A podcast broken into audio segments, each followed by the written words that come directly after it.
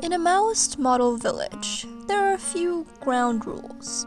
Respect women, don't discriminate against Dalits, forego religion and social evils as defined by the party leaders, and finally, have a proper revolutionary name, like Martyrs Village on the side of Rebellion Road or something.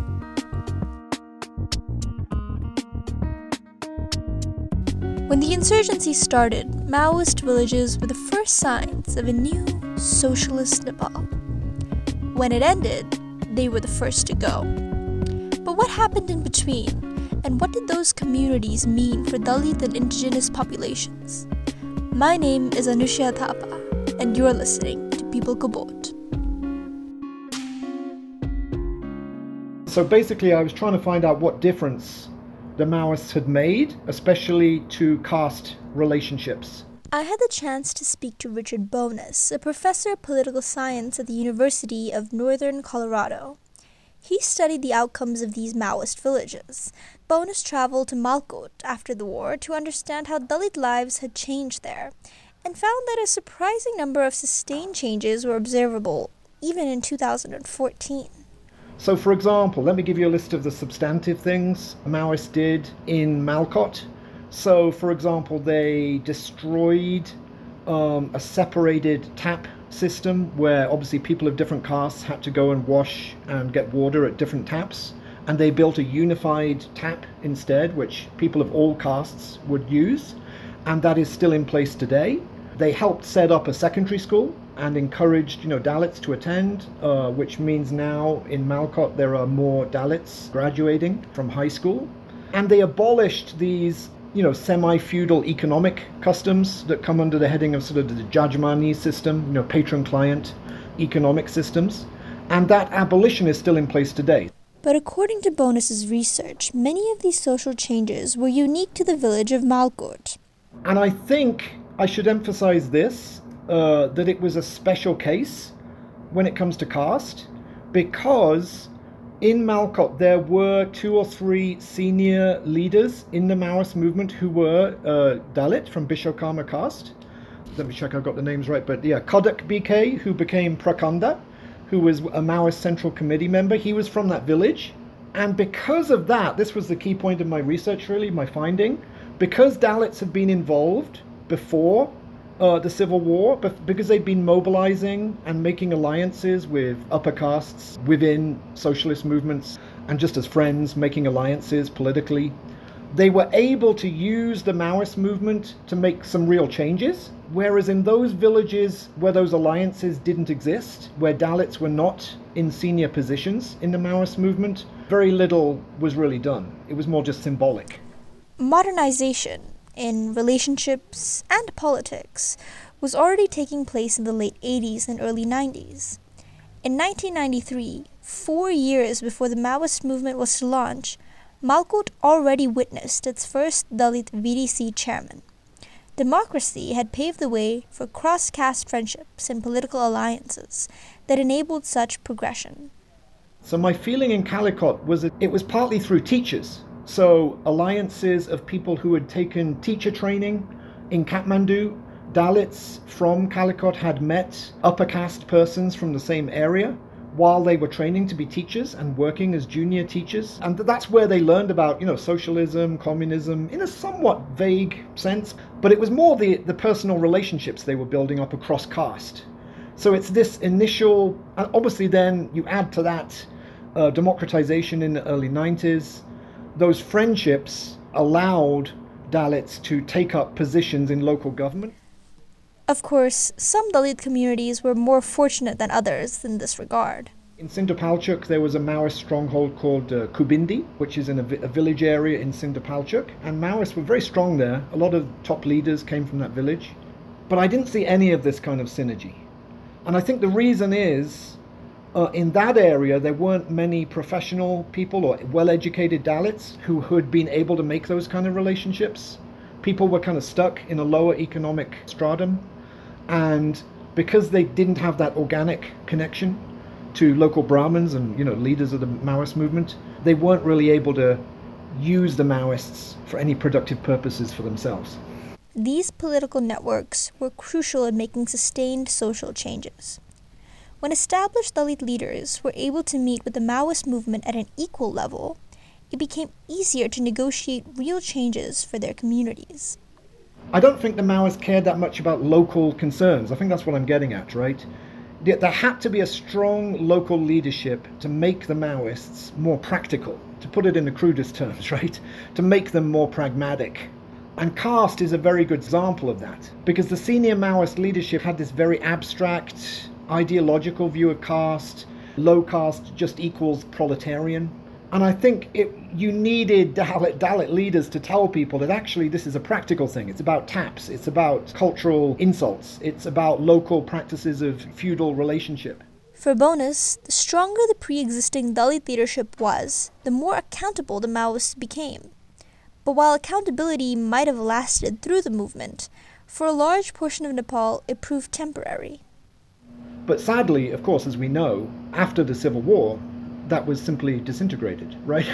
All of the structures they created just disappeared. So that so the aftermath post 2006, all of these achievements pretty much ended instantaneously as the Maoist leadership traded in its success for political power. And that's something that Dalits in particular feel very sore about and very angry about still. But yeah, let's get right into the aftermath of things about how it, just fizzled out, or as you put it, just disappeared entirely. It's hard to understand how or why, I think, to attribute a sort of cause to this, but if I had to ask you that question. well, you have to come back to issues of caste and the fact that the Maoist leadership was so close to the ruling elites. I mean, on a personal and sort of social and, and kinship level that I think they were always, I mean, cynically, one suspects they were always planning to make that move, to trade in their political success in the movement for traditional forms of authority and, you know, the, the government ministries and all of the uh, luxuries that come with that. Maybe that's too cynical, but it certainly wasn't the grassroots. The grassroots expected the movement to continue in some form not in a violent form necessarily, right? But they expected some sort of social mobilization. They expected that some of the things that had happened in the model villages that were actually quite effective, you know, like the things I mentioned, they thought that the party would continue that kind of stuff. Wherever they weren't molded into a practical force for Dalit empowerment, Maoists often had an opposite effect on the local communities. Bownas acknowledged that, in many instances, the Dalit Maoist relationship was often exploitative. So that's why I'm saying it's an exception. Yeah, it, I think in general, the general picture is more uh, the Maoists, mainly upper caste Maoist leaders, using Dalits symbolically and practically for their own purposes. And so we all we all know that Dalits were especially vulnerable. I think the reason given that I've heard most often is that uh, Dalit communities are often separated they're often in more remote or hilly parts of the village, so that makes them more attractive to guerrilla fighters. People's Liberation Army members can hide there. Also, if you're from the blacksmith caste, you might be more useful to the Maoists to help them in various ways. So, Dalits were used in most places in a rather brutal way. I think that's true. When it comes to positive change in Nepal's social fabric, Bownas says that there has been a shift in attitudes towards all kinds of marginalized groups, including women and Dalit and Janajati groups. So just people seeing women in that role, which was kind of shocking to them, that's probably done something in some more amorphous way to change attitudes. And that's probably also true for attitudes to Dalits and Janajati. Seeing them in senior positions must have been very shocking, right, to people in the 1990s who were used to this cultural domination from Kathmandu, you know, upper caste domination culturally and socially.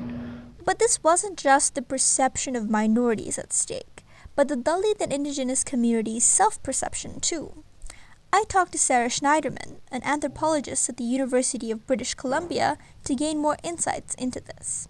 Uh, I don't want to portray it as fully negative. I think the um, the opportunities that the Maoists provided for young women, in particular, uh, to get involved as active agents in kind of making change, were really important uh, in terms of breaking open some of the expectations um, at the kind of formal political level. Shneiderman works with the Thami, or Thangmi, as they are known in their native language. When she went back to Dolakha many years after the war, she noted how a particular Thangmi woman stood out as a local representative.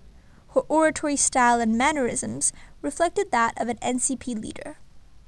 And I'm just thinking about this because one of the women who really took on a, a kind of um, leadership role in that context had been involved in the um, Maoist movement as a teenager and then had gone back and settled in the village and you know sort of was a mother of two young kids and so forth but it was really clear how she was interacting with other people that she had brought some of those experiences into her kind of uh, lived practice for Shneiderman, however, these new capacities came at a cost. She says that the Maoists, by virtue of being majority Brahmin and Kshatri, brought with them caste Hindu ideals of what society should look like. In other words, they unintentionally worked within discriminatory, casteist, and patriarchal frames of mind. Shneiderman recalled how Thangmi women were given a particular vision of what the modern Nepali should look, talk, and dress like. I'm just having this like very just concrete memory also of another young woman whom I worked with at the time who came back from a Maoist meeting in a kind of major urban center. And so for her, going to that meeting was both going to a political meeting, but actually an excuse to go to the bazaar um, and, you know, to sort of experience like modern urban life. And she must have been about 18 at the time, and she came back wearing a lot of makeup. And so I remember that she came back to the house and, you know, looked really different than she looked in normal day to day life where, you know, she wasn't wearing makeup, etc. Um, and she was really happy and, you know, was sort of like, ah, um, you know, I've just been out having a lot of fun. And then when we talked more, she said that actually she had been, um, you know, participating in this meeting, and that everybody, all of the young Maoist women um, in the meeting, were wearing kurtas, which also was not how um, most women would dress in the area. You know, they would wear more like lungi, different sort of attire. But she, anyway, came back with what I think she perceived as a sort of modern way of being a woman, and that that was how the, you know the other Maoist women were also attired. That's what she told me. Here, it feels like the same tools of modernization and democratization that helped the Dalits of Malkot are infringing onto indigenous identities. But was the Maoist movement of the 90s really to blame for this? Shneiderman gave an example of a unique trait of the Thangmi community, their matrilineal heritage, to answer this question. They have their own set of cultural practices and historically actually very egalitarian. Sort of unusual anthropological fact is that the Thangmi actually have a, a different kinship system, um, which has um, bilateral descent, meaning that women have their own clan identities that they pass on to their daughters, and men have their own clan identities that they pass on to their sons. And that's actually really unusual, like worldwide.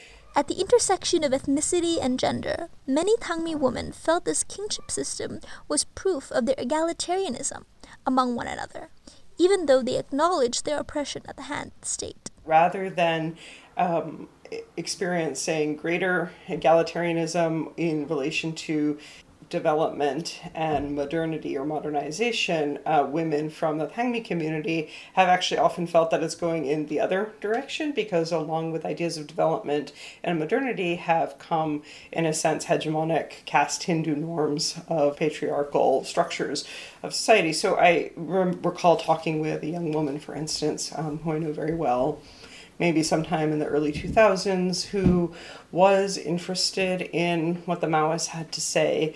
Um, and she came back after one of these meetings and she said something like, Well, yeah, this is really strange because they're telling us that we need to fight for uh, equality, but actually they don't look very equal in their ranks, and we have our own system of equality in a way. And she referenced the idea of the, um, the Thangmi kinship system. Despite this, modernization movements within the community had put a strain on their existing tradition of bilateral kinship, and, by extension, many such indigenous cultural practices. one of the things is that many Thangmi uh, ethnic activists started to feel that that was, in a sense, a hallmark of backwardness, um, precisely because women had their own clan system and it was seen as somehow barbarian or non normative from Orthodox Hindu perspective. So there's actually a lot of Thangmi activist writing about that. This again is not necessarily um, exclusive to the Maoist movement. I mean, this is kind of the point that I'm trying to make as well that I don't think you can separate the Maoists from all of these other kinds of formations, which they're also part of. So a lot of the Thangmi ethnic activists were very involved with the UML from early on, but in that context had written a lot about how they needed to abolish the Thangmi kinship system and actually create, in a sense, cultural reform within their own community because having a bilateral kinship system like that did not match expectations for modern Nepalis, which is really a kind of gloss for modern Hindu Nepalis.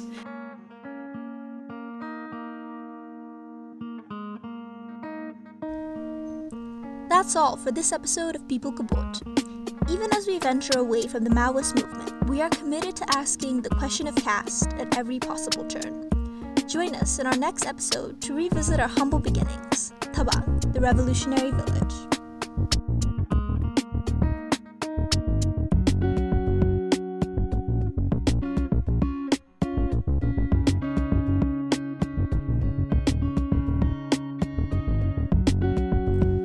Questions of caste in a country like Nepal are complex and ever evolving. As a media outlet conscious of indigenous, Dalit, and minority movements, People Kabot takes listener responses very seriously.